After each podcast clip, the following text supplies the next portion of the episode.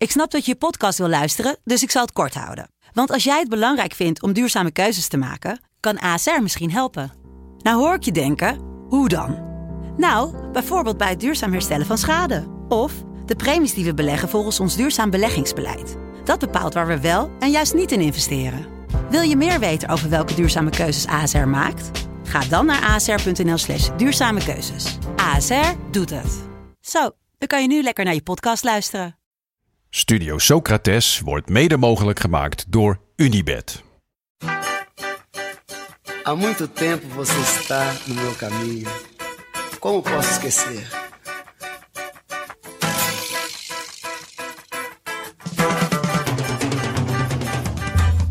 Welkom bij Studio Socrates, een podcast over iconische voetbalteams uit het recente verleden. Teams die je van voetbal lieten houden. Met deze keer Jong Oranje op het WK onder 20 van 2000. você, menina, menina, no seu jeito de olhar. Sócrates, Sócrates, tiro. Sócrates! Lindo gol de Sócrates. No seu modo de andar. Op 10 juni 2005 maakte de wereld kennis met Quincy Owusu Abeyi. In het Parkstad Limburg Stadion van Rode JC speelde Jong Oranje de openingswedstrijd van het WK tegen Japan.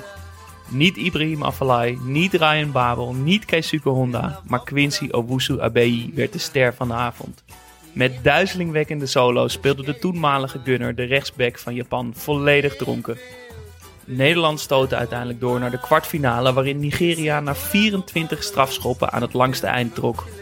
In de finale verloren de Super Eagles van Argentinië, waar ene Lionel Messi de Argentijnen naar WK-goud schoot. In deze aflevering blikken we terug op het oranje van Foppe de Haan, Hedwiges Maduro, Haris Medonjanin, Collins John en bespreken we een aantal grote spelers die furoren maakten op dit toernooi. Maar we starten de aflevering zoals elke week met een vraag om ons wat beter te leren kennen. Met dit keer, aan welke speler hebben jullie je in het leven het meest geërgerd? Ja, maar voordat we dit gaan beantwoorden, moeten we toch eventjes ja, het, eh, het olifant in de, in de kamer benoemen. We zijn live, jongens. Ja, gefeliciteerd. Eindelijk, hè? Ja. We, Ja, hadden, we hadden wat afleveringen klaarstaan al, maar Zeker. die zijn nu op. ja en Apple eh, deed echt... eh, die is in de, als kleinkind is Apple in de schildpaddensoep gevallen. Dus dat duurde echt heel lang voordat, Heel eh, lang, voordat ja. die daar ook eh, online kwam. Maar eh, we zijn live en eh, ik krijg heel veel leuke reacties. Vertel, vertel, vertel. Nou ja, gewoon eh, heel veel mensen die eh, met heel veel plezier luisteren, maar ook gewoon die gelijk eh, filmpjes sturen van, oh ja, weet je deze nog? Of een shirtje van FC Twente, ja, in een soort Schotse ruit van, dit shirtje heb ik nog liggen, die is echt vet. En ook mensen die ik wel nog regelmatig op de app spreek of in een groepsapp, maar nu ook gewoon persoonlijk en veel meer. Dus, dus ja, ook gewoon weer oude vriendschappen die weer eh, op, eh, opvlammen eigenlijk. Dus dat, ja, echt genieten. Wat leuk om te horen. Jullie boys? Ja, ook wel. En ik vind het vooral heel leuk dat, het, eh, ja, dat er zo actief gereageerd wordt, ook al op Instagram. Met inzendingen van, eh, van luisteraars op, op de vraag die we elke week bespreken. Oh ja. Blijf dat ook vooral doen. ja. Ja, blijf dat doen, want dat, ik, ik geniet daar elke keer van als ik, eh, als ik zie wat er, wat er allemaal binnenkomt. Ja. En ja, ik vind het, kijk, dat wij drie het leuk vinden om te doen, dat wist ik al. Maar blijkbaar vinden Ja. heel veel andere mensen het ook leuk. Dus daar, ja man, heel leuk. Ja, en dat is volgens mij, dat is ook wat jij zei, Jon. is, We zijn natuurlijk nooit helemaal volledig. Maar dat is dus ook helemaal niet erg. Want mensen hebben daarom de ruimte dus om aanvullingen eh, Ja. te geven. ja, klopt. Want- En daar zijn we alleen maar heel blij mee. Ja, zeker. Want ik krijg namelijk ook al wel appjes van... hey, eh, die eh, heet eh, in, eh in PES heet eh, Trabelsi Bratelsi of zoiets. Batrelsi. Zeg je het weer fout of niet? en, Ga je eh, eindelijk goed ja. rectificeren? Ja, nee. Dus eh, misschien moeten we ook maar een, eh, een, hoekje, een, eh, een hoekje met foutjes. Een, eh, ja, Frank de Boertje of een grandelletje misschien. Veldmannetje kan ook nog. ja, genoeg mensen die genoeg fouten maken. Ik vind een grandelletje pas wel goed bij de podcast. Ja, dat is wel die, die... Leg even uit, wie is Grandel? Ja, ik denk een jaar of tien, misschien vijftien jaar geleden... had Utrecht op een gegeven moment een keeper.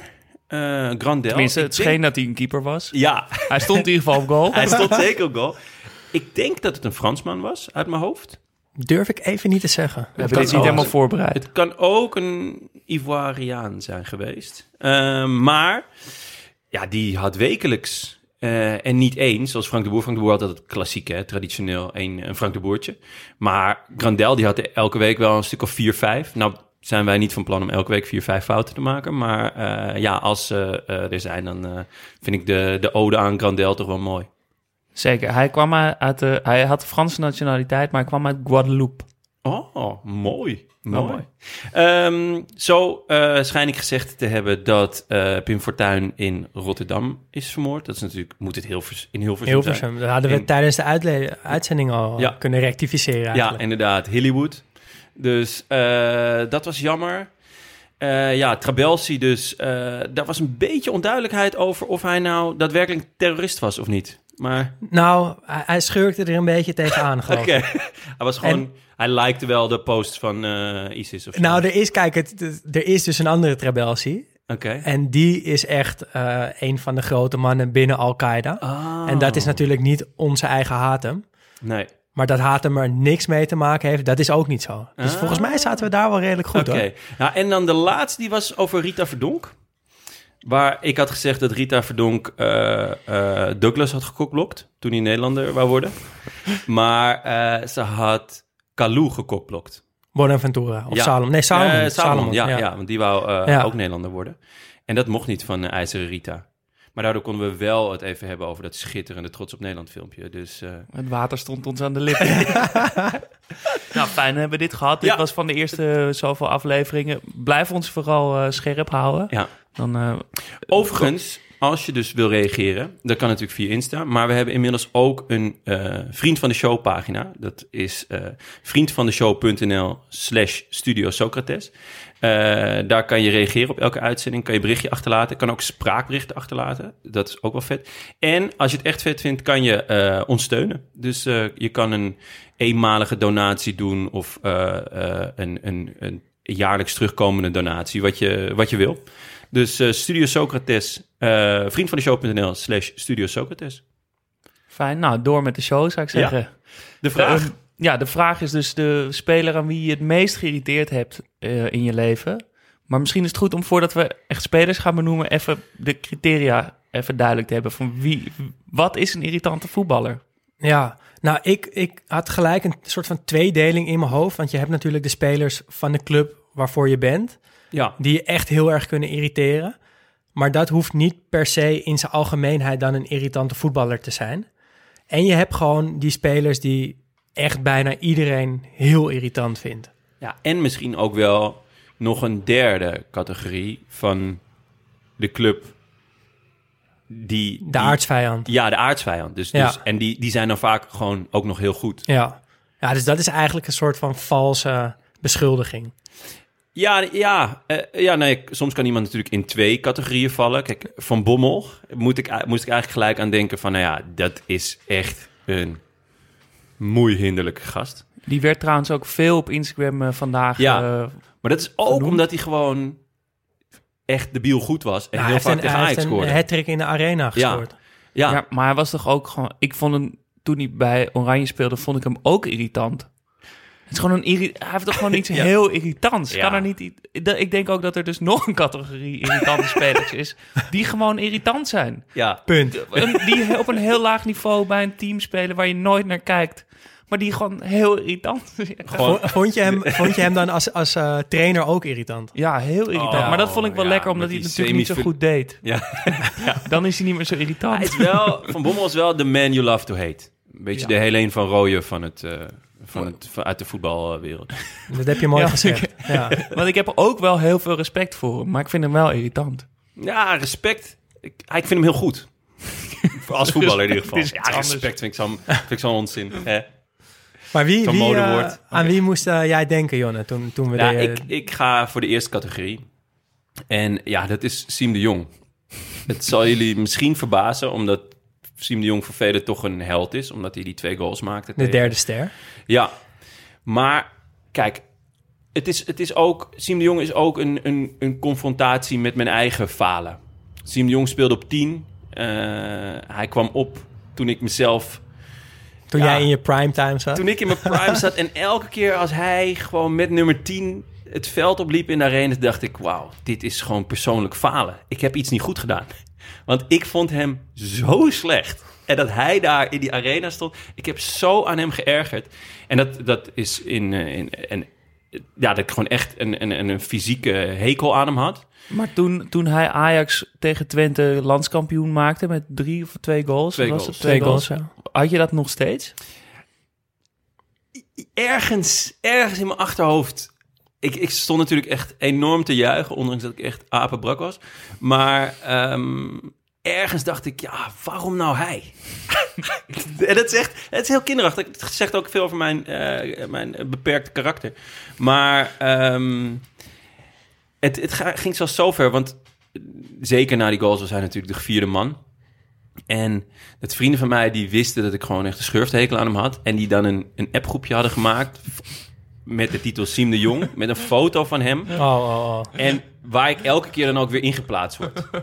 Gewoon elke keer weer. En nu elke keer als er weer iets is, dan, dan laait die appgroep dan weer even op. En dan denk ik, oh nee.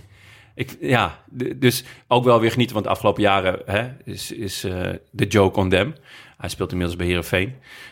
Wat ik ergens ook wel jammer vind, dat is ook een club die ik een warm hart toedraag. Dan zie je hem weer wat vaker spelen. Ja, daar, daar baal ik ook Ja. van. Nee, ja, het is zo lomp. en Maar is het puur omdat hij dus niet zo goed is? Of heeft hij ook in een soort dat ideale schoonzoonachtige karakter dat, dat, dat je irriteert? Ja, het- ik vond hem vooral heel lomp. Voor een nummer 10, Ajax, dat is toch vaak stilisten. En ja, ik bedoel, ik ben groot geworden met, eh met Liedmanen op 10, wat echt een schitterende voetballer was.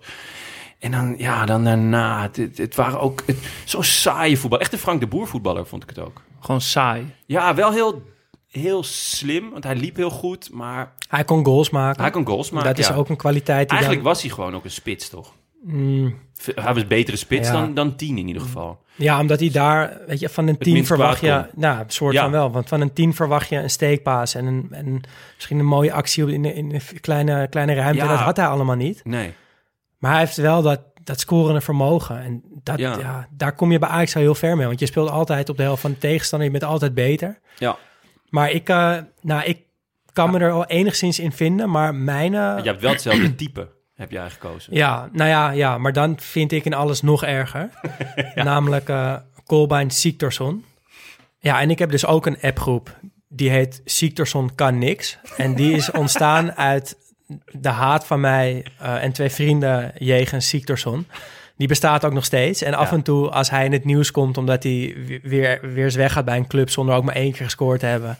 dan eh, posten we dat naar elkaar. Waar speelt hij nu? Nou, hij, ik moet eerlijk zeggen, volgens mij is hij weer terug naar, naar IJsland of hij zit in Denemarken ergens. Maar in ieder geval is hij echt ver afgezakt. Daar maar dat geniet ver- je ook van. Ja, en het verbaast me ook echt niks. Want ik vond het ook echt een hele, hele, hele slechte speler. Hij was heel traag, hij was heel log, hij had geen techniek, geen combinatievermogen. En wat ik ook heel vervelend vond, irritant zelfs, ehm, is dat Ajax op een gegeven moment al die Scandinaviërs kocht. Ja, ja, ja. dan Allemaal kwa- van die ideale schoon. Ja, en dan hij ook nog. En dan was dit nog zogenaamd het ijskonijn. En dan kopte hij er per ongeluk een in in de grote wedstrijden. Hè, tegen Feyenoord Ja, en PSV. ja. Toen werd dat het verhaal. Van ja, maar Siktersson scoort wel altijd in grote wedstrijden. Nou, ik vond het echt een, eh, echt een verschrikking. En op een gegeven moment, dat was nog wat echt het echte dieptepunt. Toen Frank de Boer hem een aantal wedstrijden hangend op links opstelde. Colbein Siktersson hangend op links. Ja, dat is wel Dat was echt... eh, echt heel pijnlijk. Maar ja. vond je hem bij AZ ook al slecht? Ik vond hem bij AZ dus een stuk beter. Genoeg. Nou ja, hij, hij, kijk, hij heeft daar toen volgens mij in, in één wedstrijd vier keer gescoord. Toen, was, toen begon er een beetje een hype rondom hem te hangen. ja. Uh, toen kocht Ajax hem. Ehm, ja, toen dacht ik ook misschien, ja, misschien wordt dit toch wel wat. Een killer, een afmaker. Maar ik, ik had duidelijk nog nooit een wedstrijd live van hem gezien. Want echt heel treurig. En ik ben, ik ben heel blij eh, dat Ajax dit soort spelers niet meer ja, in haar selectie heeft zitten. halleluja. Ja, Haar selectie is mooi. mooi gezegd. Ja, Ajax vrouwelijk, mooi. Ja. Ja. Eh, ja, ik heb een andere categorie. Eh, mijn, ik dacht namelijk, je moet dus onuitstaanbaar zijn.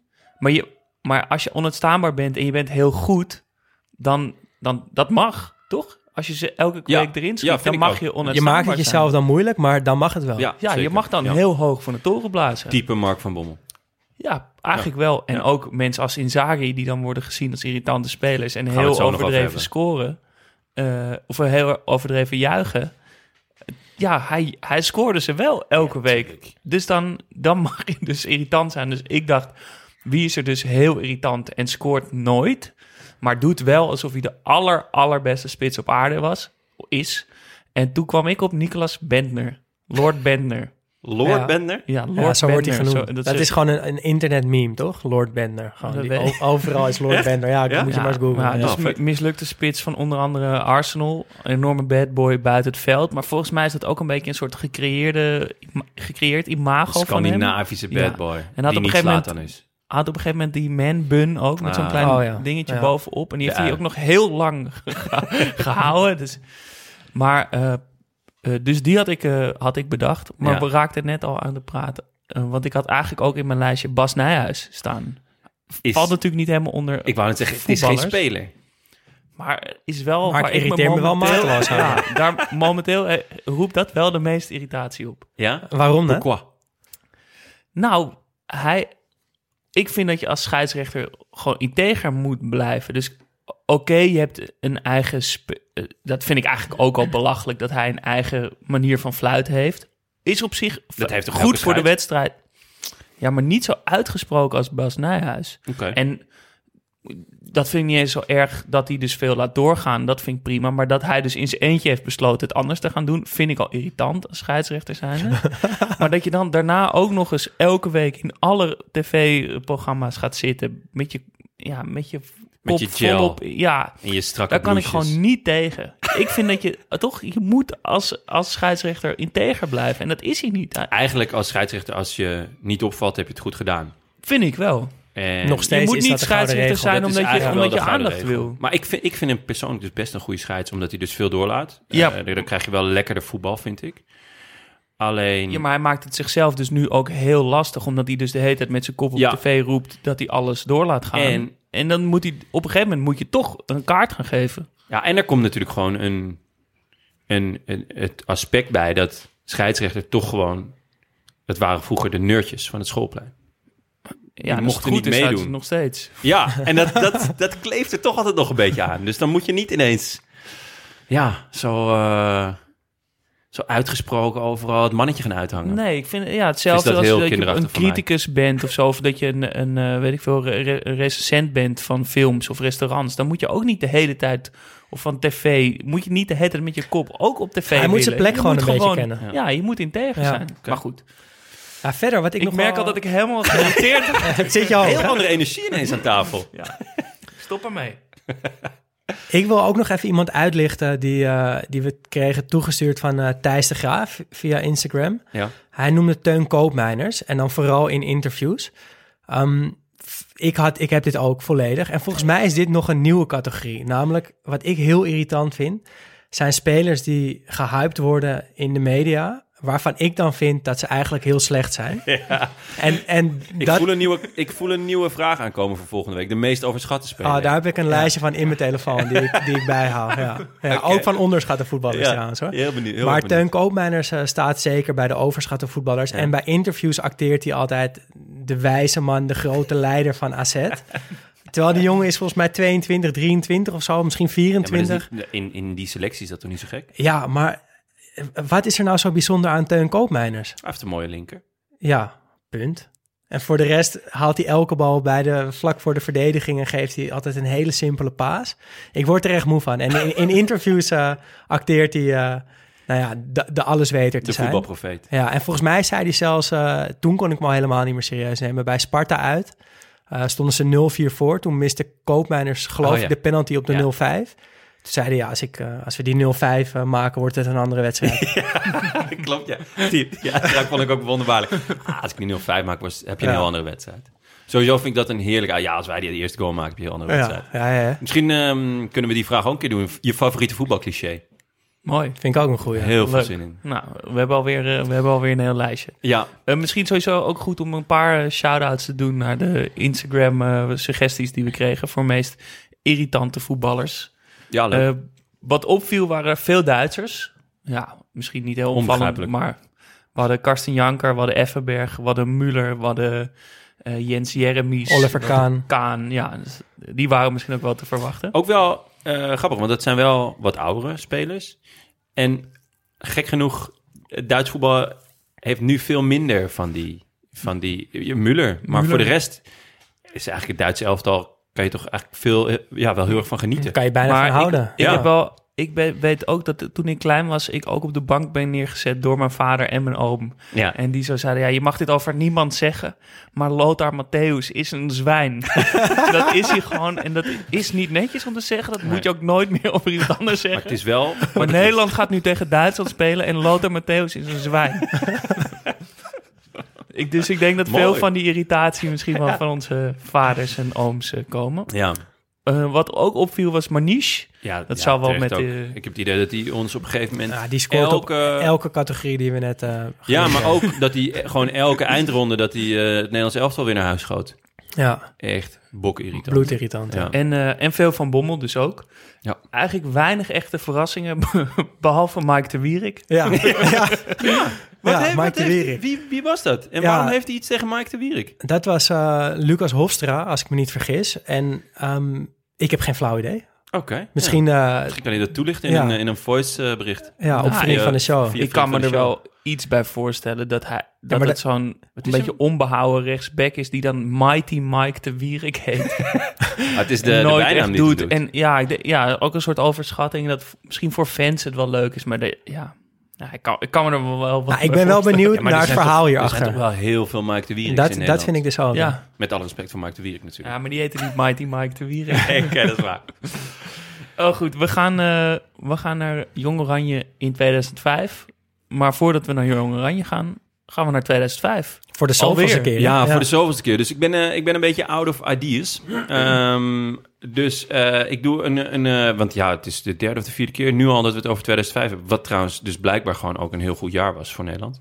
Ehm, maar ehm, ik had dan nog een paar vraagjes. Van der Vaart vertrok dat jaar bij Ajax. Waar ging je naartoe? Real? Nee, nee, nee. HSV, denk ik. HSV, Ja. inderdaad. Wat heeft HSV betaald voor Rafael van der Vaart?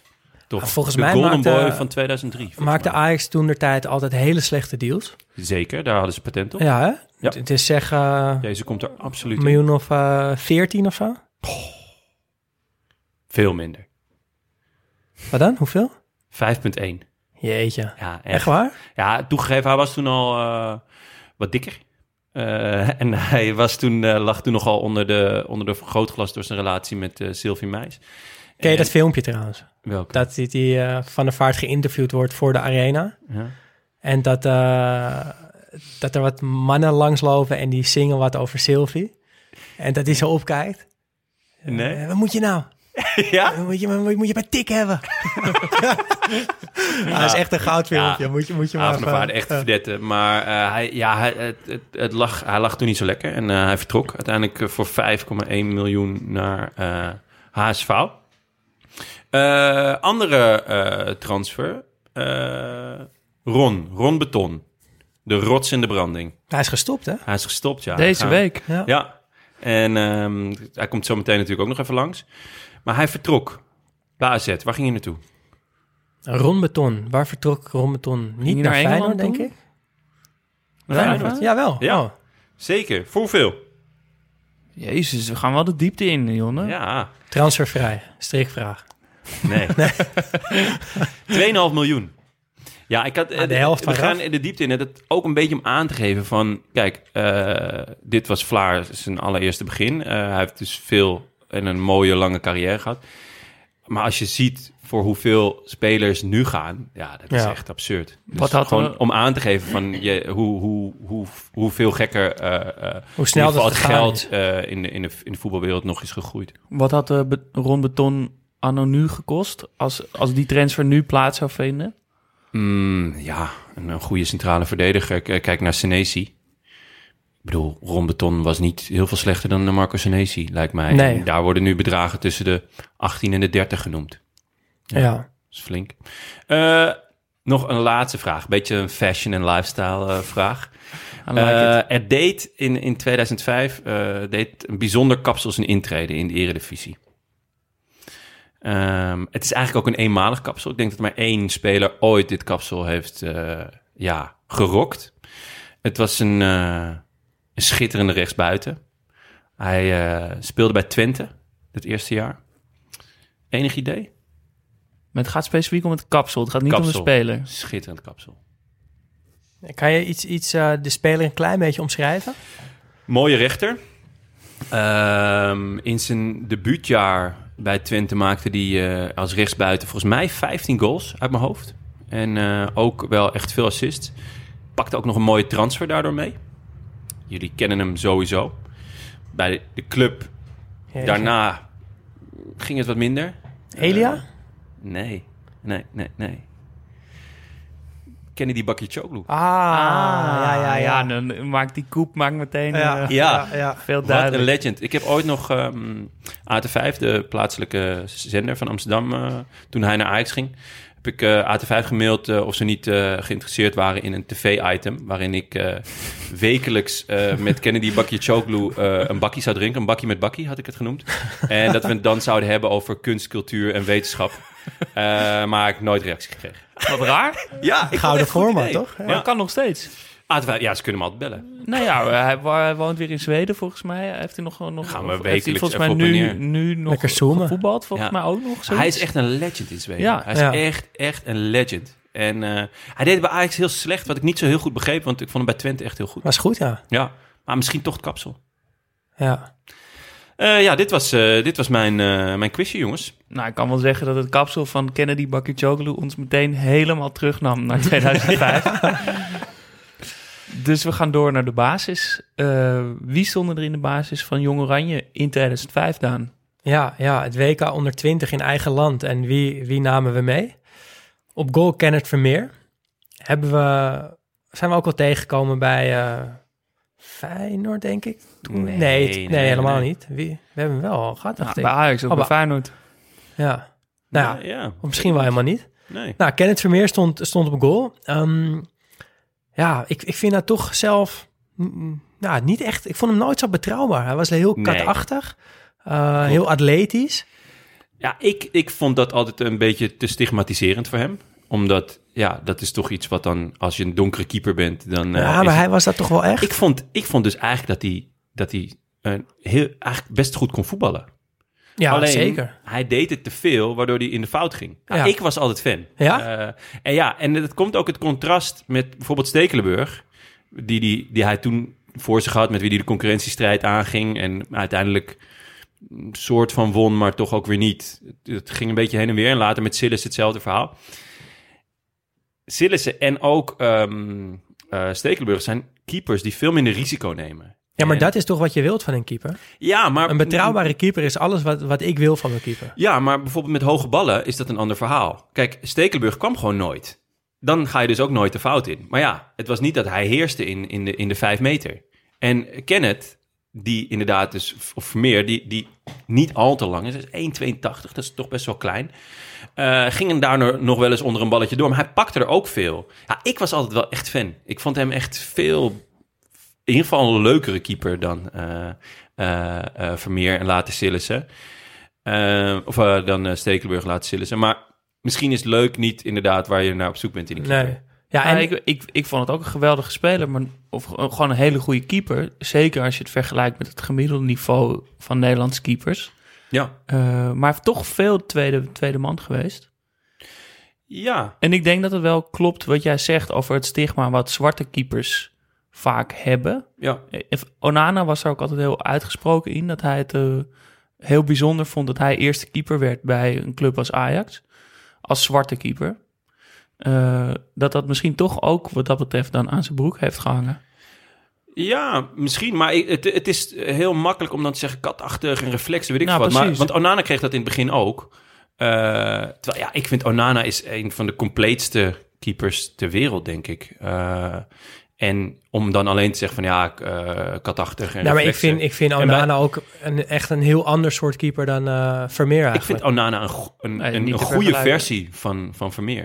Ik bedoel, Vermeer maakte gewoon wel veel kleine foutjes. Net onder de bal door en Ja. dat soort dingen. Met name hoge ballen was hij slecht. Ja, niet zo betrouwbaar dus als Ja, maar- En zijn, eh, zijn interviews zijn natuurlijk legendarisch. Ja, laten we het daar alsjeblieft even over hebben. Vraag, stel even een vraag, Daan. Hoe, hoe vond je vandaag dat het ging in de goal? Nou, hoe vond ik vandaag dat het ging in de goal? Ik vond dat het best goed ging in de goal.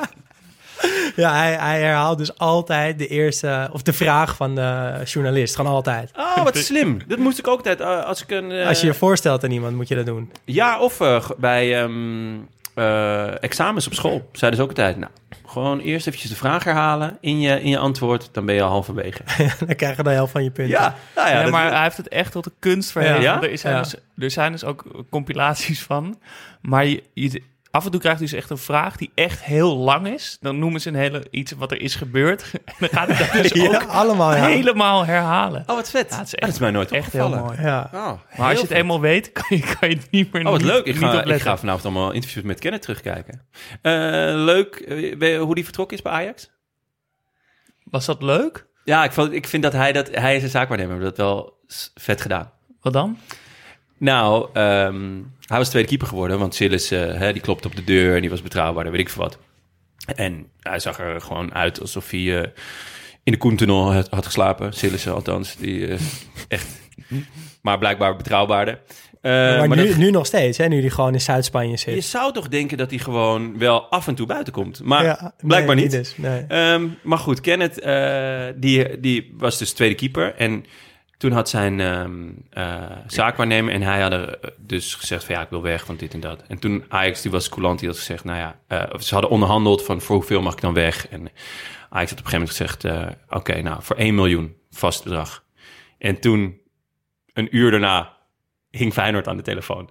En toen ging hij dus voor 1 miljoen naar Feyenoord. Ja, ik vond dat gewoon wel heel slim gespeeld. Dus eerst die prijs. Eerst die prijs zeker- afspreken. Want Ajax voelde zich echt gepiepeld. Die, Ja. dacht, die, had, die was ja, best wel dom geweest om niet, om niet te zeggen van ja, eh, binnen Nederland eh, ja, zal er wel wat meer Dan ga je niet verkopen aan een concurrent. Nee. Dus, eh, en toen hop, daar ging hij. Maar voor de rest was het natuurlijk niet zo heel leuk, die overgang. Nee. Was niet de mooie kant van het voetbal. Ja, ik weet niet, als keeper, je moet toch wat? Nee, nee, Nee, maar maar dat, ik bedoel, hij in de gaat, nee, dat reacties hij die gaat is Oh, zo, natuurlijk- nee, dat was Nee, dat hij gaat is juist, eh, Ja. dat moet juist kunnen, gewoon, Ja. zonder problemen. Maar al die reacties... Nee, dat eh, was in- heel droevig. Dat, Dat was was echt droevig. Ja, poppen die aan galgen Ja. werden Dat gehangen. verschrikkelijk, ja. Echt walgelijk. Nou goed, we gaan door. We gaan door. Dwight Tindalli, die, die hebben we wel echt al besproken bij FC Twente. Ja. Ehm, En op de Dongenschool. En op de Dongenschool, ja, ja, ja. Dus dat moet jij mooi vinden, dat, Zeker, eh, ja. dat hij een WK onder 20 heeft gespeeld. Zullen we verder niet al te veel woorden meer aan vuil maken. Nee. Eh, dan Ron Vlaar, Ron Beton, de rots in de defensie. Ehm wa- ja, was eigenlijk toen al precies zo'n voetballer als dat hij nu was. Alleen iets, iets minder kilo's, iets minder kracht. Ja. Maar wel dat, ja, dat Ron Beton, dat straalde toen al eh, van hem af. Ik Met dacht die- echt dat hij de nieuwe Jaap Stam ging worden. Ja, ja hij dat- had dat onoverwinnelijke. Tot, tot zijn knieblessure zat dat er ook eigenlijk denk ik wel in. Ja, het is ook een van de weinige spelers uit dit elftal... die toch nog wel een volwaardige international is geworden. Ja. Stopte samen met eh Stefan de Vrij en Bruno Martins Indy Messi af hè, op het WK. Ja, Ja. dat... eh, Er was wel een paar mooie filmpjes afgelopen week eh, natuurlijk, omdat hij gestopt was. ja. Hij zat ook met Foppe Daan, wie, die natuurlijk trainer was eh, in, bij dit eh, E- EK, WK. eh, zat hij bij op één ook, om daar ook nog even over, eh, over Ja? te hebben. Dus dat was Ja, wel vet. mooi, ja. Ja. Mooi, ja. Mooi. Ja, en, en eh, ik herinner me toch ook van het, het is ook een mooi filmpje, heb ik ook in de voorbereiding gezien. Eh, dat Louis van Gaal op dat WK 2014 was het geloof ik, hè, Mhm. dat hij dan vraagt, nou, je, je hoort het hem niet zeggen, maar je ziet aan iedereen dat hij het vraagt, van wie neemt de eerste penalty? Ja. En dat, dat Rom Beton zegt dat ik doe het wel, terwijl daar Snijder staat, terwijl daar Robben staat. Ja. En dan geeft Van Gaal hem zo een paar tikjes tegen zo aan van, kom op jongen, jij, jij Ja. kan dit. Uh, maar hij kon het dus niet. hij, hij miste. Dat is pijnlijk. Maar dat Toch weer een eh, Jaap Stam eh, wel, wel een mooi moment. momentje. eh. ja. Naast hem, naast hem stond eh, Frankie Two Fingers. Weet, weten jullie al voor wie ik het dan heb? Eh, nee. Frank van der Struik. En die, die Ah. wordt zo genoemd omdat hij ooit twee middelvingers eh, naar de harde kern van eh eh, NEC, NEC Ik sorry, wou net zeggen. opstak toen hij bij eh, Vitesse speelde. Ah. En ehm, ja, verder dacht ik, Frank van der Struik, ja, die heeft zijn hele leven bij Willem II en bij Vitesse gespeeld. Eigenlijk een zeer matige voetballer. Maar hij heeft toch, eh, toch mooi zo'n WK meegemaakt. Ja. Wel iemand die ook voor mijn gevoel al 100 jaar in de Eredivisie speelt. Speelt hij nog? Nee, Zou me niet verbazen. Nee, Nee, maar hij ja, speelt precies niet. zo maar- iemand nee, die er ja, altijd elke Ja. zondagavond zien we langskomen. Ja. ja, maar hij heeft dus ook zijn hele leven in de Eredivisie gespeeld. Dus dat, dat klopt Type wel. Mike de Wierik. Ja. ja. Dan op eh, de andere backpositie Jeroen Drost. Het enige wat ik daarbij kon verzinnen is de broer van Henrico. Ja, Ja. mooi. Het zou leuk zijn als we dan straks bij Enrico komen. En dat, dat, dat daar dan staat, de De broer, broer van van Jeroen. Jeroen. wie weet, wie de- wat ik, ik heb er een beetje over gelezen. En, en zij zelf, allebei eigenlijk, is gelijk ook sprekend op elkaar, zeggen eigenlijk, ze hadden hele hoge verwachtingen eh, hingen aan hun Ja. boek. Zeker na dit eh, toernooi werden ze de nieuwe, of werd hij in ieder geval de nieuwe linksback eh, van, van Oranje genoemd. En daardoor kwam er zo'n druk bij en had hij zo weinig begeleiding daarbij, dat, het, dat hij zegt dat hij nooit echt zijn carrière er alles uit heeft kunnen halen. Ja, Echt een beetje een, een, een zielig, eh, zielig verhaal geworden. Nooit, nooit potentie eh, kunnen waarmaken. ja. Ja, maar dat, Heerenveen denk ik, hoogste. ja. Heerenveen, Ja, Sparta. RKC nog geprobeerd en daar Ja. eh, gestopt. Maar wat je zegt, ik, eh, ook, ook bij de volgende speler, de aanvoerder van het stel, Hedwiges Maduro, heeft het natuurlijk wel gemaakt in zekere zin. Maar ook hij werd heel vroeg al vergeleken. eh, nou, in zijn geval met Frank Rijkaard werd hem ook een hele grote toekomst voorspeld. Ehm, in hoeverre denken jullie dat dat invloed heeft op zo'n, in de start van je carrière? Want Oeh, ja. Moeilijke vragen. Dat kan, Ik- dat, dat kan twee kanten op. Kijk, als het lekker gaat en je wordt ermee vergeleken, ja, dan krijg je er vleugels van. Als het niet zo lekker gaat en je wordt ermee vergeleken, dan is het iets, ja, dan vecht je eh, tegen de klippen op. Eh, lijkt mij toch wel een zware last. En ook eh, eigenlijk best wel oneerlijk dat je... ja. ja, want je Ja, bent maar- die persoon Nee, je niet en bent je die kan het ook nooit zijn. Maar eigenlijk krijgen volgens mij bijna alle talenten te maken met vergelijkingen met spelers. ja. Ja, Dat dat automatisch ook komt. Ik weet dat, dat de Jong werd meteen met de Cruijff ook veel eh, vergeleken. Die heeft volgens mij ook meteen keihard in elk interview Ja. gezegd... nee, nee, nee. ja. Daar Maar kijk hij- ik niet is naar, dat daar het kijk ik interview niet dat naar, je daar verliefd kijk op hem. Ja, dat was al, dat was al verder voor. ja. En dat Nee, is denk ik ja. ook het enige wat je kan doen. Ja, maar daar moet je dan ook wel eens scherp op zijn of zo. Eh, Ja, en het maar kunnen, want het is Want de wel... complimenten zijn natuurlijk ook lekker. eh, ja, Ik bedoel, ik vond het altijd heerlijk als eh, ze vroeg van... Oh, eh, je lijkt wel op slaat aan. Ja, heerlijk. weet ik. Ja, ja dank je. Ja, en verder Maar nog... je hebt eh, ook die potentie nooit helemaal waar kunnen Ja, maken. dat weet je niet. Dat weet je niet. het kan nog, hè. Slaten is 39 nu. Dus ik heb nog eh, vijf jaartjes of zo. Om eh, toch een soort van topscorer in de, in de, in, eh, de Italiaanse competitie Serie te worden. Ja. En hij gaat nog We noemen maar door. even een competitie. Of in Amerika of in Frankrijk. Nee, het, ja, het is, ik denk in- inderdaad, als je het zo stelt, eerder een last. Toch? Ja. Ja. Verder nog even een, een leuk feitje over Maduro. Hij speelde 18 A-interlands voor het Nederlandse elftal. En verloor er geen één. Dat is wel indrukwekkend. Which reminds me, Kenneth Vermeer, vijf interlands, vijf A-interlands, nul tegengoals. Nou, dat, dat gun ik hem echt van harte. Nou, jij weer. Ja, nou, was toch eigenlijk wel een goede keeper, hè? Naast eh, Maduro op het middenveld, eh, Rick Kruis. Ehm, ja, Rick Kruis, eh, zoon van, eh, van Gert Kruis natuurlijk. En Ja. op een of andere manier vind ik, dit is een typische jong oranje, of in dit geval dan WK onder 20 oranje speler. We, we zullen daar zo nog iets uitgebreider bij stilstaan, bij wat ik daarmee bedoel.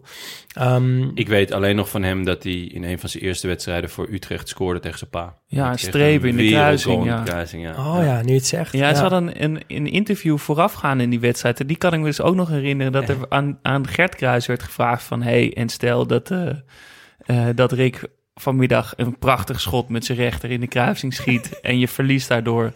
Ben je dan boos of ben je dan blij? En toen zei hij dus, dan ben ik heel boos. Dan mag hij, komt hij het huis niet in. En dan schiet hij hem dus echt in de kruising. Ah, heel vet. En Ja. eh, je ziet hem ook heel ver weggedoken op, in de dugout zitten. Oh, Nou, geweldig, Ja. geweldig moment, toch? heel vet. Ja, absoluut, ja, ja. absoluut. De, de andere, de laatste middenvelder, eh, was in de eerste wedstrijd Ibi Afellay. Eh, scoorde toen ook, maar werd in de, in de wedstrijd daarna eigenlijk al geslachtofferd voor Urbi Emanuelson. Eh, toen nog een middenvelder, later vooral linksback gespeeld. Maar wat hij nou eigenlijk is, weten we nog steeds niet. Dat weet Urbi ook nog steeds Weet niet. Urbi ook hij nog is inmiddels wel op een leeftijd gekomen dat hij elke week moet spelen. Ik Ja, denk dat ja, er, ja. Dat is mijn favoriet voetbalcliché namelijk. en ik denk dat er niemand vaker dat heeft gezegd dan Urbi Emanuelson. Die gewoon elk interview, omdat hij natuurlijk heel vaak door al die positiewisselingen werd hij dan weer daar maar kwam hij ook regelmatig op de bank. Ja, Ja. hij was toch op een leeftijd gekomen dat hij niet elke week moest spelen. Hij Maar kan er het- is, er is ook geen enkele leeftijd, behalve misschien als, als je 16 bent of als 6, 37-jarige pinchhitter, dat die uitspraak niet klopt. Nou ja, klopt Hij- altijd. Hij klopt altijd. Ja. Want of je, je bent jong en je moet minuten maken... of je, je, je beste jaren komen eraan, dus je moet minuten... of het zijn je beste jaren, of je hebt niet zoveel tijd meer... dus, Dus je, je moet, nu wel echt alles spelen. ja, ik denk dat je nu al gewonnen hebt hoor, met Ja. voetbalcliché. Ja. Maar, en ik heb, ik heb nog wel voor jullie even een, ehm, een vraagje over Urbi. Bij welke vier Italiaanse clubs heeft hij gespeeld? Zo. Ik zou AC, alleen Atalanta en eh, Milan weten. maar- AC, AS Roma, Ja? eh Oh ja. Chievo, Nee? In 2016 heeft hij nog elf wedstrijden voor een andere Italiaanse club. Gewoon, het is een Echt klein geen idee. Geen idee. Hellas Verona. Hellas Verona. Ja. Ja. En, dan, en, en die andere was wie was Die klopt AC Milan, AC Roma en Atalanta. Oh ja, Atalanta. Ja. Ja. ja. ja. Oké. Ja, en dan nog in Engeland voor Fulham en Sheffield Wednesday. En het staat nu nog steeds onder contract hè, bij FC Utrecht. Ja. Eh, en zegt dus elke week tegen de trainer eh, dat hij toch echt... eh, dat hij tijd heeft om spelen. Eh Avalai trouwens ook deze maand, denk ik, officieel Stop, ja. echt eh, een punt gezet. ja, Ja. Wilde, nog, eh, wilde nog wel een doorstart. Maar nu eh, zit er niet meer in. zeer om, eh, verdienstelijk analist. Nou, hij, hij zeker. zegt- Ik vind ik ook. bij, Ja, hij heeft wel siervoetbal, een ja. ongezouten mening. Hij brengt, wel, hij brengt wel wat aan die tafel. Ja, eh, laatst over eh Dirkie Kuyt. Dat, Ja. eh, dat Bob de Bouwer daar was bezig, eh, had huis gehouden. heeft hij dat gezegd? ja, toen Dirk Kuyt eh, zijn botoxhoofd Oh. werd eh, getoond. Toen eh Ibi, die, eh Ging die er gooide even- er even een paar Ja. gemmetjes uit. Lekker hoor. dan, dan in de spits. eh, ja, de grote man op dat moment. Ryan Babel. De man op wie de schijnwerpers gericht waren. eh, die dat ook redelijk waar maakte in de eerste wedstrijden. Ryan Babel, ook wel bekend als rapper Rio, toch? Ja, CEO, CEO, hier floot Rio. ja. 1, 2 in die trio. Yo, je kent mijn stilo. hey, lekker hoor. Samen met eh, Lange Frans en Baas B. Heeft hij nog een nummertje gemaakt. Is hij niet ook... En hij- Huberto Tan trouwens, die zat er ook in. ja, en hij is bij 101 Bars geweest. Echt? Ja, ja. Maar ik vond zijn flow niet al te best namelijk. Volgens mij heb Minder ik, dan ik, zijn ik, heb dat eh, niet heel lang geleden nog eens teruggeluisterd. Dat was ook weer galoos. Ja. Maar dat viel, het- ik vond het, het viel me alleszins Ja? mee, die 101 Ja. bars van, eh van Misschien kunnen we, Rio. op, eh, kunnen we op Insta posten. Maar we kunnen toch ook wel zeggen dat Ryan Babel... die heeft misschien het ook nog wel het meest van dit hele team is hij geslaagd. Maar hij heeft ook de allerraarste voetbalcarrière gehad Ja. die we kennen, toch? Met wel tien pieken en, en Ja. tien hele diepe dalen. Ja. En clubloos, geen contract en dan weer in oranje. En eh, Dan weer bij Ajax. En Turkije, Spanje, Liverpool. Zo'n Al- hij heeft zandbak, Alles ja. gehad. Ja. Ja, ik nee, nee, ik wil niet te negatief zijn, maar ik, hij kwam echt als een komeet bij Ajax. Met het heupschot ook. Had hij geleerd van eh Sangoy. Waarvan, eh, dat was een Van jongen- wie? Van Sangoy, een Argentijnse speler in de jeugd. En eh, die was op proef bij Ajax. En eh, nou, training begon en eh, ja, eigenlijk heel jong Ajax of, of de A dacht van... Oké, wat de fuck doet deze gast hier? Hij kan er echt helemaal niks van. Totdat ze gingen afronden op goal. En hij peunde alles in de kruising. En Babel, slimme jongen, die dacht... Hey, Kopiëren die af. ja, dus die heeft, die heeft dat toen aan hem gevraagd. En die is, die is daarop gaan trainen. En een van zijn eerste wedstrijden tegen de Graafschap geloof ik. Schoot Ja, de Graafschap in, ik, jongen. ja. Echt Ja. een wereldgoal. En toen dacht iedereen van, wauw, oké, dit is echt de nieuwe Kluivert. Maar ja, Ook zo'n vergelijking, hè? Die maar, die ja, ja heel, maar- heel taai En die natuurlijk. heel zwaar is ja, en, en ik vond hem... Ja, hij, eh, eh, hoge pieken, diepe dalen. Maar ik, ik weet, toen hij voor 17 miljoen naar Liverpool ging... toen eh, heb ik wel eh, een rondje bier gegeven. Ik was wel blij met die 17 miljoen. maar hij heeft het daar nog best wel goed gedaan, hè? Ja, maar ook weer gigantische verwachting. Want daar Ja. werd hij dan weer vergeleken met Henry. Eh, omdat die toen heel goed was eh, bij Arsenal. Van ja, dit is de nieuwe Henry. En, en toen... Ah, dat, zat er, dat zat er nooit in. nee, Die, nee die maar ik- kwaliteiten had hij niet. Nee. Maar ik vond, vond toen hij voor het eerst weer terugkwam bij Ajax... dus niet de afgelopen periode, maar de periode voor... toen vond ik hem echt heel goed. Heel sterk. En ja, in, in, dit, ehm, in dit team was hij wel... op voorhand was hij de man, toch? Hij was de man, ja, zeker. En, en ik, hij voetbalt dus nog steeds. Er is een Ja. grote kans dat hij straks gewoon stiekem meegaat naar het eh, EK. Ja. Ik hoop zelf van niet, maar je, je weet het niet. Maar ik gun het hem wel. Ik Ik, gun het hoop hem het zeker, maar ik gun het hem niet, want dan Ja. kan hij, kan hij het eindelijk meemaken. ja, dan Heeft hij we... nog nooit een eindtoernooi Nee, meegemaakt? hij was eh, twee keer volgens mij op het laatste moment afgevallen of geblesseerd. Dus zo- Ah. zo'n soort verhaal was het, dacht Ja. ik. Verder hadden we nog eh Collins John en Tim Vinken, die, die elkaar afwisselden eh, in de voorhoede. Collins John zat toen al bij Fulham. En eh, ik ben even in zijn carrière gedoken. Ehm, kun- kunnen jullie nog wat clubs van hem opnoemen, Collins John? nee. Twente. Ja, Twente, punt. Volgens mij kwam hij daar vandaan. En is hij toen naar Fulham gegaan? Ja, Ja, van Twente naar Fulham. door Jol, denk ik. Die zat toen bij Fulham. En bij Fulham heeft hij lang gespeeld, vijf jaar. En ook bijna 100 wedstrijden gespeeld. Dus dat was eigenlijk best wel een succesvolle Zijn periode. bijnaam was King John daar. Ja, en, maar daarna is het... eh, hij, hij is toen verhuurd aan Leicester en Watford. Terug naar NEC. En vanaf dan eh, komt er een rijtje clubs. Ja, dat, dat geloof je bijna niet. In Azerbeidzjan, in Iran, eh, in Engeland... eh, op, op derde, vierde niveau in Polen. Eh, en, en Buitenboys in Almere. Dat is de laatste club geweest. Ik denk... Ik weet niet of hij daar nog steeds speelt of dat hij inmiddels gestopt is. Ehm, zijn broertje bij RKC trouwens, hè? weer in de Ola, Eredivisie. ja. en die doet het goed. En sowieso wel meerdere Johns, toch? Die, Joshua John, is dat ook, is Nee, dat ook familie? nee, je had nog niet? Paddy John geloof Oh ja, ik. ja, dat was Die zat ook nog bij Twente, ja. Ja. ja. En verder op linksbuiten, Ja, Ja, de man. Man of the Hour. Eigenlijk waarom we deze hele Ja. aflevering maken, toch? Ja, Quincy betreft Owusu. ABI.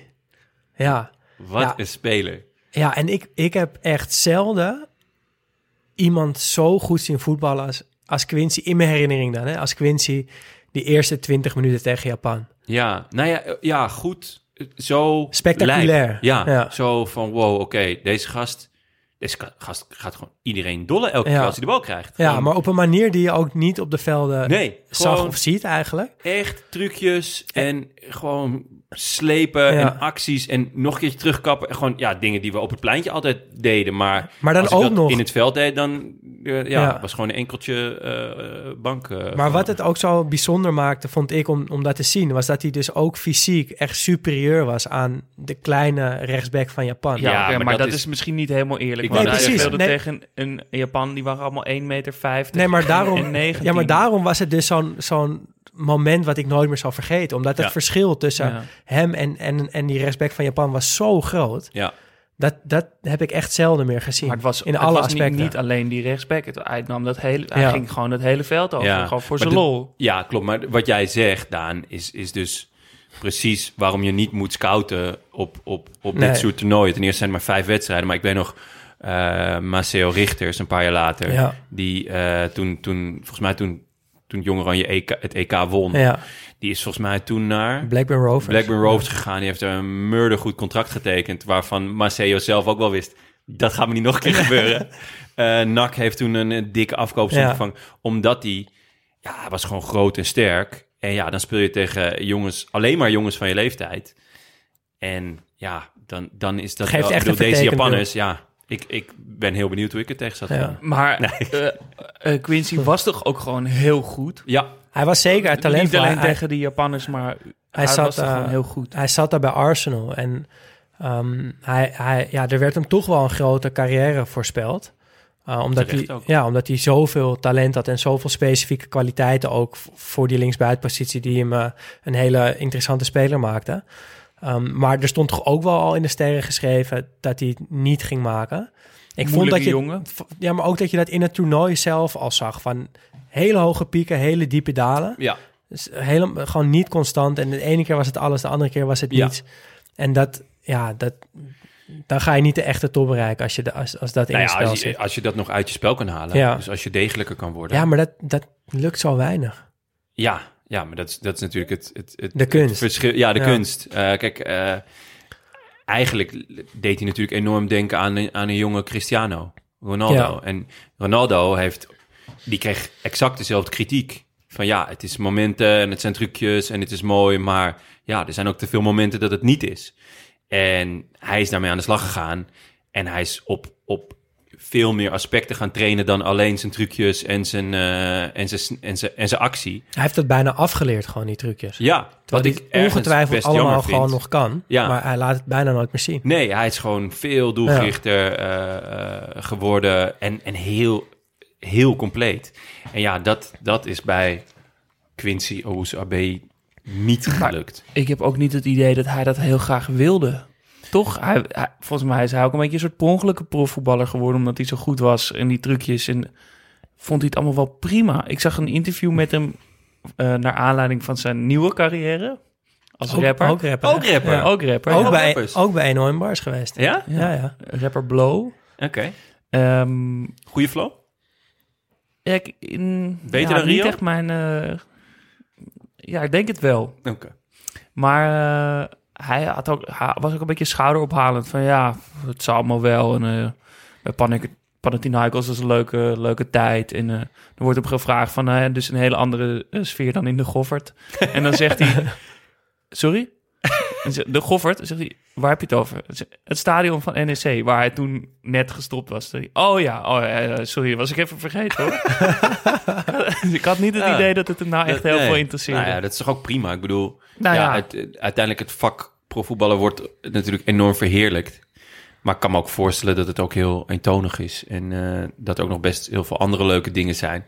Ja, maar en het wordt zo van je verwacht dat je dan maar alles doet om het beste uit jezelf te halen. Maar ik Ja. kan me ook wel voorstellen dat je je ta- talent gewoon af en toe inzet en af en toe wat minder inzet. En dan een carrière hebt zoals Quincy en wel, nou, waarschijnlijk gewoon miljoenen verdiend hebt.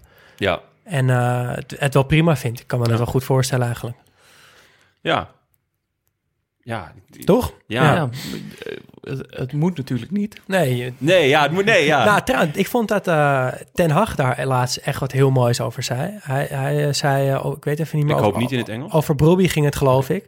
Eh, over Brobbey zei, hij mag maken, de keuze die hij maakt, dat is helemaal zijn keuze. Want het talent wat hij heeft, dat is van hem Ja, en van niemand anders. nee, klopt. En dat vond ik een hele mooie uitspraak. Want als club of als trainer of als wie dan ook, denk je wel eens recht te hebben op het talent van je spelers. Maar dat, dat is eigenlijk helemaal niet zo. Het Ja. talent is van die speler zelf.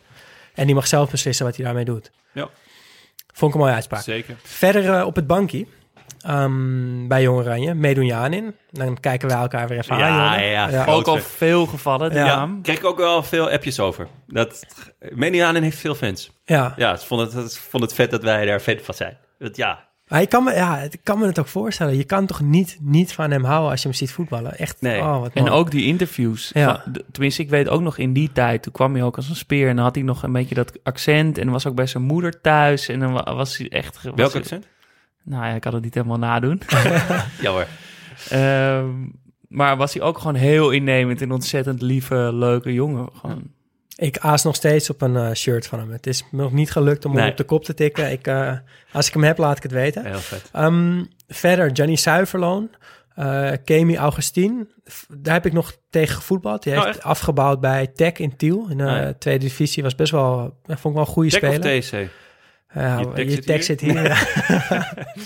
Ehm, Prins Rijkomar. Schitterende naam. Ja, toch? Ja. De mooiste naam. Nou ja, Quincy Owusu BI is natuurlijk ook mooi. Dit wordt ook nog een vraag, denk ik. Of van, wat is Is nou dat ik weer een dochter krijg. Anders was ik voor Prins Rijkomar gegaan. Nou, ik weet al eh, wel als wie... De Ik- mooiste voetbalnaam? Ik weet wie jij gaat zeggen. Ja. Wagner Love. Ja. Ja, Wagnerlof? Tuurlijk. Nee, mijn uh, Purl Frenkel. Zo vet. Groot fan ook trouwens. Kunnen we wel een keer nog een special aanwijden. De We gaan sowieso nog een keer de vraag om de mooiste voetbalnaam. Ja. Wagnerlof is ook wel schitterend, ja. ja. En ja, nou, dan wil ik toch ook mijne nog even noemen. Ja, graag. Ga gewoon Zinedine Zidane. Ja, Ja, oké. Dat ja, is- dat is ja. niet eerlijk. Ja, de, die man heeft alles. ja. Ehm, en verder nog op de bank bij, bij het Nederlands elftal een rits mislukte voetballers. Mark Otten, Arjan Wisse, Theo Brak en Job Bulters. Dat hadden ook je medestudenten kunnen zijn. Ja, volgens mij heb ik nog gestudeerd met Theo Brak. Ja, en, en als trainer, eh good old Haan, hè? ja, Die was volgens mij eh, op een gegeven moment trainer van elk Nederlands elftal, behalve het echte Nederlands elftal. ja. Had hij van mij ook mogen doen. Ja, ik, ik had wel een zwak voor een, eh, Iedereen heeft toch een zwak Ja. voor Foppen. Ja. Ja, ja net als uh, Medunjanin. Ja. Toch de naam alleen al. Foppen. Ja, Ja. no- nog zo'n naam. Ja, Ik zag een, eh, een foto, dat was ik helemaal vergeten, maar dat, eh, dat ze aan het warmlopen zijn, volgens mij voor, eh, in de trainingsweek voor de kwartfinale tegen Chili op, op dit WK. ja. En dat daar iemand tussen liep met een petje op. Vrij opvallend. En toen keek ik even goed en toen was het Ali B. Wat vet. Toch En- een rapper. Ja, en Foppe had, eh, had Ali B uitgenodigd voor de goede sfeer. Die Ja. trainde een keertje mee. Well played. Ja, dat was well ook played. Ja, ik kan niks anders zeggen. Mooi. We lopen heel erg Ho, uit. ho. Oh, oh wacht. assistent? Hebben we nog iemand? Oh ja, mag zeker nog even gaan. Aaron Winter, ja, ik wil hem toch graag noemen, omdat ik ooit... ehm, Op het bedrijfsfeest van het Concertgebouw, waar ik toen de tijd werkte, eh, was het thema Winter Wonderland. En je moest dus verkleed komen, dan kon je ook wat winnen. Ah, dacht ik, ik ga als Aaron Winter. Ik had me gesminkt, dat kon toen nog. Eh, inmiddels eh, niet meer. Ajax-pakkie en ja, gewoon... ik dacht, die is binnen. Aaron Winter, echt goed. Was er gewoon nog iemand op het idee gekomen als Aaron Nee. Winter te gaan? Stonden daar allebei voor lul. Daar zijn je echt voor lul. Ja, echt 3 dubbel Ja. voor lul. Ja, dat was echt zuur. Niet gewonnen, helaas. Ja. Nee, die andere die Aaron andere.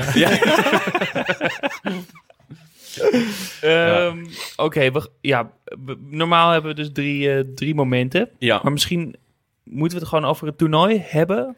Over de spelers en de, die wedstrijden. Nou ja, wat ja, zullen Nou, we ik doen? vind het wel goed om eer toch lopen- eventjes het, eh, de route van, eh, van het Nederlandse elftal even onder de loep te nemen. Ja.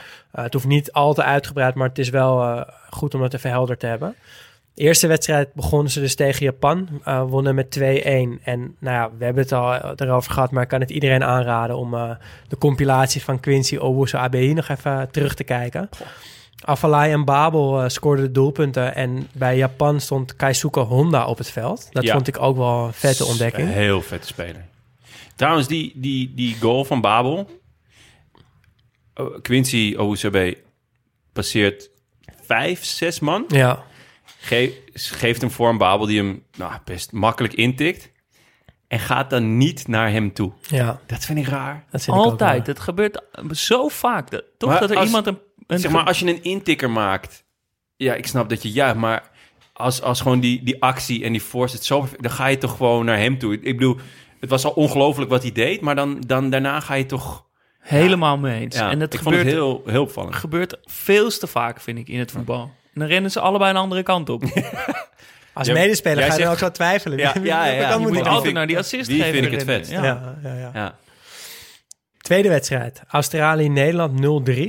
Eh, simpele overwinning met goals van Maduro, Emanuelson en Kruis.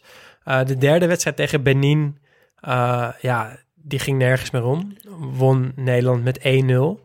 Eh, goal van Maduro. En ik vraag me dan toch altijd af hoe een, hoe een land als Benin Ja, ehm, daar terecht komt. En ik heb Van nog een heel goede jeugdopleiding. ja, ik heb nog even gekeken of, of ik een speler van, van die selectie kende. Nee.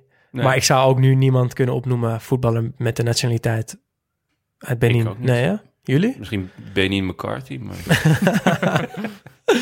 Eh, nou, dat betekent in ieder geval dat ehm, Nederland doorstoten naar de achtste finale, waarin het eh, tegen Chili moest aantreden. Eh, Chili was toen bij lange na nog niet zo goed als dat ze nu zijn. Hadden in de groepsfase ook een ongenadig pak slagen gekregen van, ik dacht Marokko, kan ook Spanje geweest zijn, maar van een van die twee landen verloren ze heel dik. Ehm, en Nederland walste daar vrij simpel overheen. 1-0 Babel, 2-0 Quincy Obusabi, 3-0 Collins John. Lekker rijtje. Ja. En toen de kwartfinale. ehm, die herinnerde ik me nog heel goed. Eindigde in 1-1. eh, door een goal van Ron Vlaar aan de kant van Nederland. Eh, bij Nigeria stond onder andere John Obi Mikel in het veld. Maar de 1-1 leidde er natuurlijk toe dat het verlengen en daarna penalties werd. En die ja. penalty-serie is toch wel een van de meest legendarische penalty-series die ik ooit heb gezien. ja. Die menig mens heeft gezien. Want ik heb het even opgezocht. Het is de één na langste strafschoppenserie ooit. De langste in internationaal verband. Eh, misschien wel leuk om te zeggen wat dan de langste strafschoppenserie Ja, was. Nou, je raadt het nooit. Maar dat was ook eh, in 2005 in het bekertoernooi Wat een jaar, van hè? Namibië. KK Palace en de Civics hadden er 48 nodig voor een beslissing. KK Palace won met 17-16. Wat vet zeg. En werden er wel aardig wat pingels gemist ook. Eh, ja, Ja. een hoop ja. Schitterend. Maar wel precies de goede Ja. werden gemist dan. Ja, mooi. Maar goed, Nederland eh, Ja, verloor het, het dus. was dus, het was dus zo'n lange penalty-serie dat eh, Collins John, die de eerste pingel voor Nederland nam, eh, als twaalfde speler toen het hele team geweest was, nog een keer moest. Ja, En toen miste. heb ik ook een keer gehad. Ja? Ja, Hebben in jullie de- ook zo, heb jij ook In zo'n de lange... nacompetitie. Ja. Oh, wow. Toen eh, nam ik als eerste en... eh, nou, gelijk naar vijf. eh, Oh, maar dat is pingels. na vijf, ja. Nee, en nou, nou, het hele team. Ah, Eh, en er werd geraakt en om de beurt gemist. En eh, er werd er nog eentje, moest opnieuw genomen worden. En eh, op een gegeven moment moest ik weer. En eh, dat was de winnende. Dat was genieten. ja. Maar jij schat er maar wel in. ja, ja, tuurlijk, jongen. Ik twijfel er al niet aan. Uh, nee, Collins John schoot zijn tweede er niet in en Rick Kruis miste ook. Maar het, het vetste moment uh, vond ik dat op een gegeven moment uh, is de keeper aan de beurt. Uh, zo ook de keeper van Nigeria. Um, ja, dat, dat was sowieso al een, een beetje een, een showkeeper. Hij kappen ja. voor in zijn eigen 16, uh, schijntrappen doen. Nou, en toen ging hij zijn penalty nemen. Tegenover Kenneth Vermeer stond hij. En hij stift Kenneth Vermeer. Nee. Ja, hij stift hem. Het was zo'n zo'n vet moment. en dat is, dat is eigenlijk samen met de winnende penalty van uh, Tai Taiwo. Ja. Uh, die toen nog naar Milan uiteindelijk ging. Die linksback die zo ja. ongelooflijk hard kon schieten. Die maakte de winnende. Door die twee penalties zal deze reeks ja, voor altijd vet. in mijn geheugen Ook wel opvallend, want of, uh, Vermeer had wel later, werd hij echt een killer. Ja. Penalty killer. Ja, ja. Dus, maar dat was hij hier echt nog niet. Nee, nee want hij stopte er niet veel, nee. nee. Nou, die keeper heette trouwens Ambroetse van... Van, van Zoeking, Van. Oh, van ja, Zeking, Zeking. ja. Ook een mooie naam. Mag er gewoon tussen. Ja, zeker. Die gaan we, gaat in het lijstje. Um, ik heb trouwens de hele penalty-serie terug zitten kijken. Het is een van de weinige dingen die je van dit hele toernooi nog terug kan uh, kijken. Nou, er staan een aantal uh, samenvattingen ja. uh, online met Japans commentaar. Ja, precies. Nou, ik kwam er niet, die duurde ook tien minuten, ik kwam er niet doorheen. maar goed, dit, dit was wel met Nederlands commentaar, maar het duurt dus gewoon een half uur. Ja, heel En ik heb, ja, is niet echt aan te raden nee? om hem nog Heb een keer doorheen Maar er zijn de, de NOS heeft wel nog wat. Bakje eh, popcorn erbij. NOS heeft nog wel wat vette reportages die je kan terugkijken. Ja. ja. Onder andere, ehm, ja, misschien is het leuk om dat nu gewoon maar te Ja, bespreken. laten we dat doen. Want Met- Messi ook, hè? Ja, dat is me eigenlijk mijn voornaamste herinnering aan dit hele toernooi.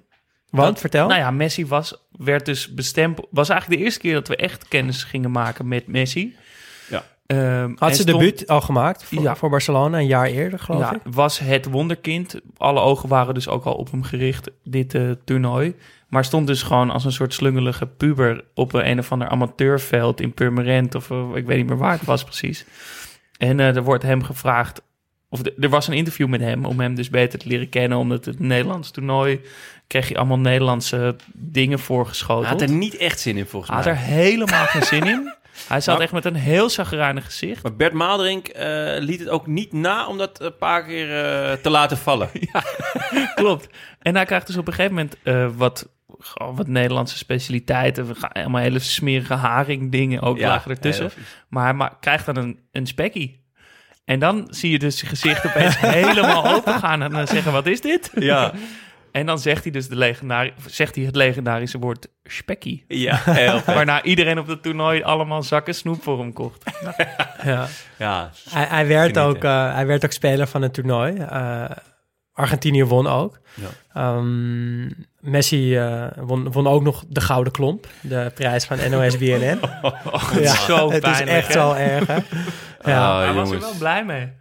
ja. Ja, terecht als je gouden klomp krijgt. Hè? En verder, ehm, ja, bij Argentinië, die hadden ook wel echt een goed team. Er zat Aguero, speelde er ook nog mee. Sabaleta, Gago en Biglia. Ehm, wat andere leuke namen om nog even te noemen die, ah, die, die meededen aan dit toernooi. Ehm, Falcao Oh, bij eh. Colombia. Eh, Honda hebben we al even genoemd. Bij Marokko deed El Amadi mee. Leuk. Bij Spanje Fabregas en David Silva onder andere. Eh, bij de USA het andere wonderkind. Wat eigenlijk helemaal nooit een wonderkind is geweest, volgens mij. Nee, voornamelijk een kind. Freddy Adu. Ja. Ik snap eigenlijk nog steeds niet hoe dat ooit zo... Waarom kende iedereen opeens Freddy Adu? Ja, ik denk omdat het een Amerikaan was. En ik denk ook omdat in Amerika er best veel aan gelegen was om voetbal te laten groeien. Ja, En ik denk dat hij in Amerika ook gewoon wel echt goed was.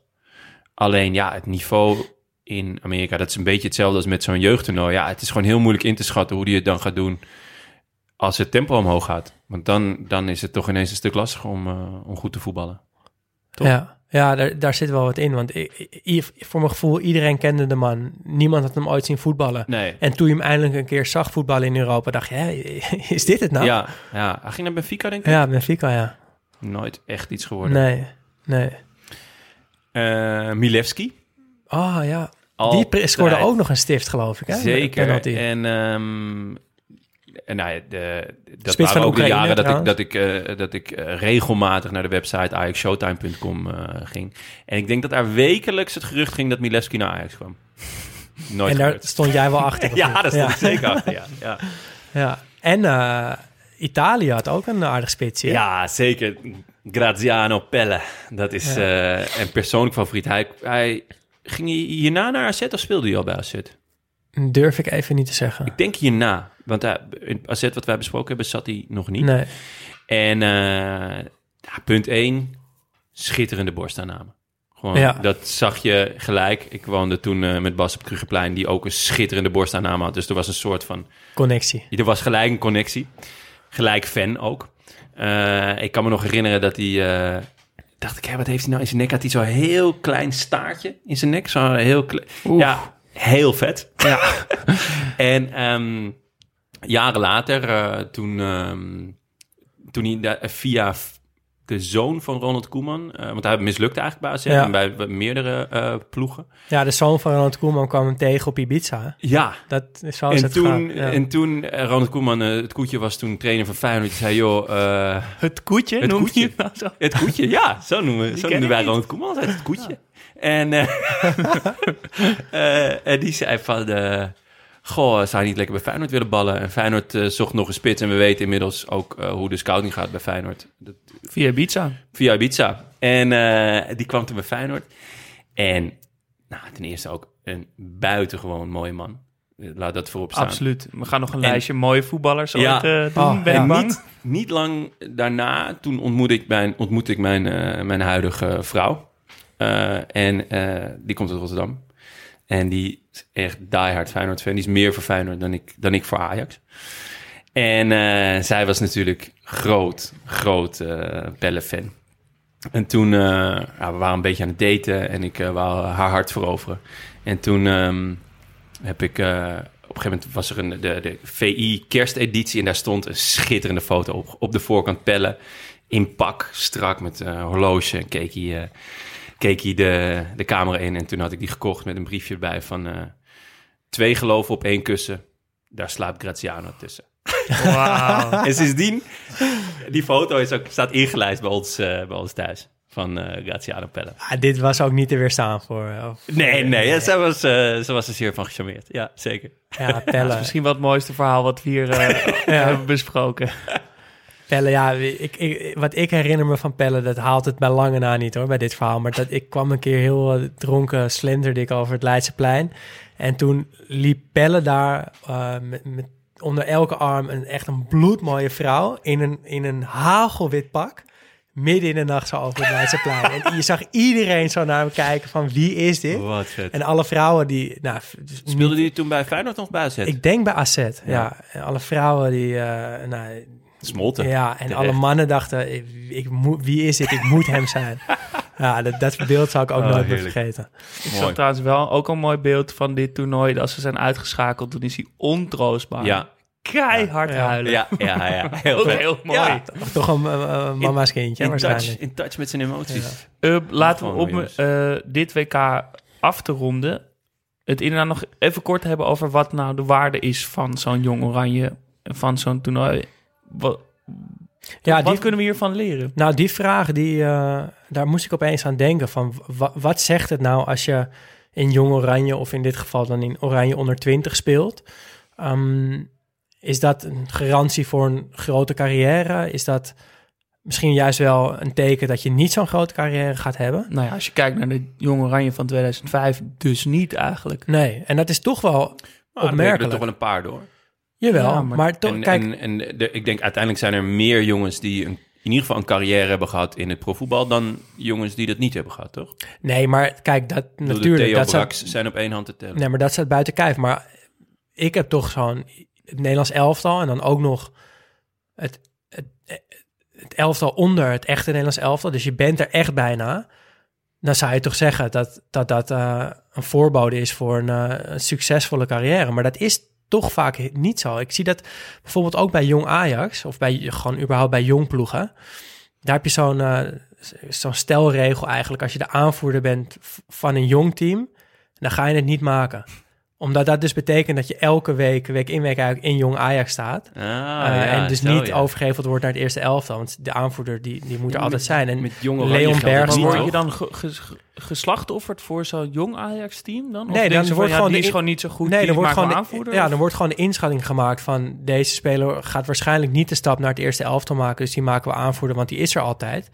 En bij Ajax is er een voorbeeld van Ja. bijvoorbeeld Leon Bergsma of Dani de Wit. En natuurlijk werkt dat bij Jong Oranje iets anders. Ja, want dan ben je gewoon de beste van je lichting. Ja, maar toch denk ik, als jij eh, eh, de echte allerbeste zijn waarschijnlijk al doorgeschoven naar het echte Nederlands elftal. Ja, ja. dat, die kans is aanwezig. Aan, aan de andere kant, het- ik, ik weet niet hoe je dat zelf hebt ervaren, maar de, de stap van jeugdvoetbal naar grote mannenvoetbal is echt heel groot. Ik weet nog toen ik, nou ja, eh, toen ik 17 was, toen eh, speelde ik in het eerste. Ja, dan sta je ineens tegen, tegen mannen met kinderen. En gewoon volwassen gasten die gewoon van, van 31. En ja, die spelen heel ander soort voetbal. We, waren een heel jong team en dan speelden we tegen allemaal van die ervaren rotten. En we waren individueel allemaal slimmer en technischer en, en of eh, technischer en, en sneller en weet ik wat. Maar toch, ja, dan stonden we aan het eind van de dag weer 5-5. Omdat ze gewoon uitgenast zijn of zo. Dus het, het, het moeilijk aan zo'n toernooi is om in te schatten hoe goed gaan deze jongens nou zijn als je ze eh, tegenover mannen zet, om Ja. het zo te zeggen. Maar ik, Ja, maar ik vind dat het wel. ik- dat het wel wat zegt als je de beste toch, toch van je lichting bent. Ja, maar dat, dat, dat, dat zou je dus zeggen. Maar ik, dat valt dus in praktijk, vind ik, toch vies tegen. Is er ook politiek in het, in, in het selecteren van Jong Oranje? Worden er eh, deals met clubs gesloten die talenten niet kwijt willen? Of is Nee, er, dat, valt daar ik denk wel soort- dat er ooit zo'n periode is geweest, inderdaad, dat clubs aan hun spelers niet af, afstonden. Maar dat is volgens mij is dat wel een niet, beetje ja. verleden tijd. Kunnen Ehm, we... Oh, sorry. Maar nee, gewoon van die gedachte van als jij in Jong Oranje speelt of Jong Ajax of Jong PSV of Jong Arsenal, dat je, dat je het dan gaat maken. Die kunnen wat mij betreft echt overboord gooien. Want er zijn zoveel voorbeelden dat je er dan echt nog niet bent. Terwijl je al echt zo dichtbij bent. Die laatste Ja. paar procent. Maar toch gaat het dan nog heel vaak mis. Ja. Kunnen we eh, een... Kunnen we dan op basis hiervan een kleine voorspelling doen als we kijken naar nu, naar Jong Oranje? Nou, als we de ik zou zeggen, zien, wie, wie gaan het dan eh, maken, wie gaan het sowieso niet maken? Kunnen we dat zien? Nou, als we even wie- wie zit kijken naar... Ik heb, ik- Nou ja, kijk, eh, eh, om maar eens wat te noemen. Bijvoorbeeld, ehm, esquecer? nou ja, Hoogma, Zeefuik, Schuurs, Floranus, Doekie, Bakker, Botman, De Wit, Haroui, Reis, Ekkelenkamp, Matusiwa, Kadioglu, Sierhuis, Gakpo, Kluivert, Dilrosun, Boadu en Zierkzee. Ja, nou daar zit dus een hele hoop tussen waar je over tien jaar eh, nou ja, niks van gehoord hebt, wil ik niet zeggen, maar die niet eh, echt goed gaan worden. Ja, maar er zitten toch ook wel enkele bij waarvan je denkt, oeh, die kunnen wel gewoon absolute top worden. wie denk jij dat er absoluut top worden? Gakpo. Nou, als ik één iemand moet noemen, dan zou ik ook Gakpo noemen. Gakpo. Maar ik zie, weet je, als je zo'n Kadioglu of eh, een Doekie of een, ja, De Wit Ja, of Reis, die dan zit bij Barça B, geloof ik, die Ludovic. ja, nee, Ja. ja. dat, dat lijkt me ook niet. Maar Dat lijkt dan heel veel, omdat het jonge Oranje, dat Kluivert shirt, is natuurlijk wel, Barcelona... een, wel flink onderweg. Ehm, en eh Boadu eh, op een bepaalde manier ook. Maar nee, ja, uiteindelijk zijn er altijd meer spelers die het niet halen dan Ja. wel. Maar ik denk dat het wel een goed teken is als je, in, als je bij Tuurlijk. de beste van je, van je lichting hoort. Nee, o- zeker weten. Alleen de vraag is, bij, hoe representatief is, is een dergelijk toernooi? ja, Ik als scout, natuurlijk, je gaat er naartoe omdat je wil weten wie de beste zijn van de lichting. Maar ja, als ik scout zou zijn, dan zou ik daar niet op varen, laat ik het zo zeggen. nee, nee. Nee, nee, dat is nee, denk ik je, moet, je, moet, je moet een hele goede scout zijn, wil je op zul- zulke soort toernooien Ja, die, die juiste als je nu die namen leest, dan heb je dus ook eigenlijk... Het is toch ook moeilijk om er iets over te zeggen. Ja, ik denk het wel. Honda had je moeten pakken. Ja, Ja. zeker. Ja. Nou, mooi jongens. U luisterde naar Studio Socrates, gepresenteerd door Daan Sartorius, Jonne Seriese en mezelf, Jasper Gottlieb. Vond je het leuk? Abonneer je dan en laat een review achter, zodat we makkelijker te vinden zijn. En heb je een vraag of een verbetering? Slide dan in onze DM op Instagram, studio-socrates. Of steun ons, en dat zouden we heel fijn vinden, via vriendvandeshow.nl slash Studio Socrates.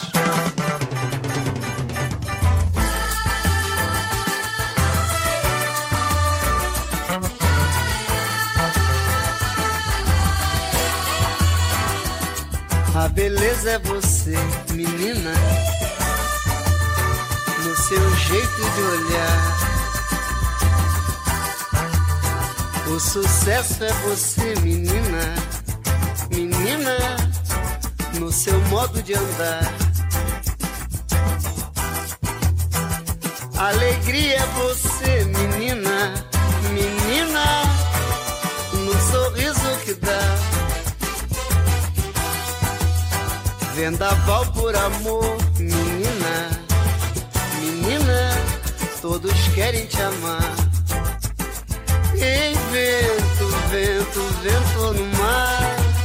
Te segura no balanço pro vento não te levar. Ei, vento, vento, vento no mar. Te segura no balanço pro vento não te levar. Ei, vento, vento, vento no mar. Te segura no balanço pro vento não te levar.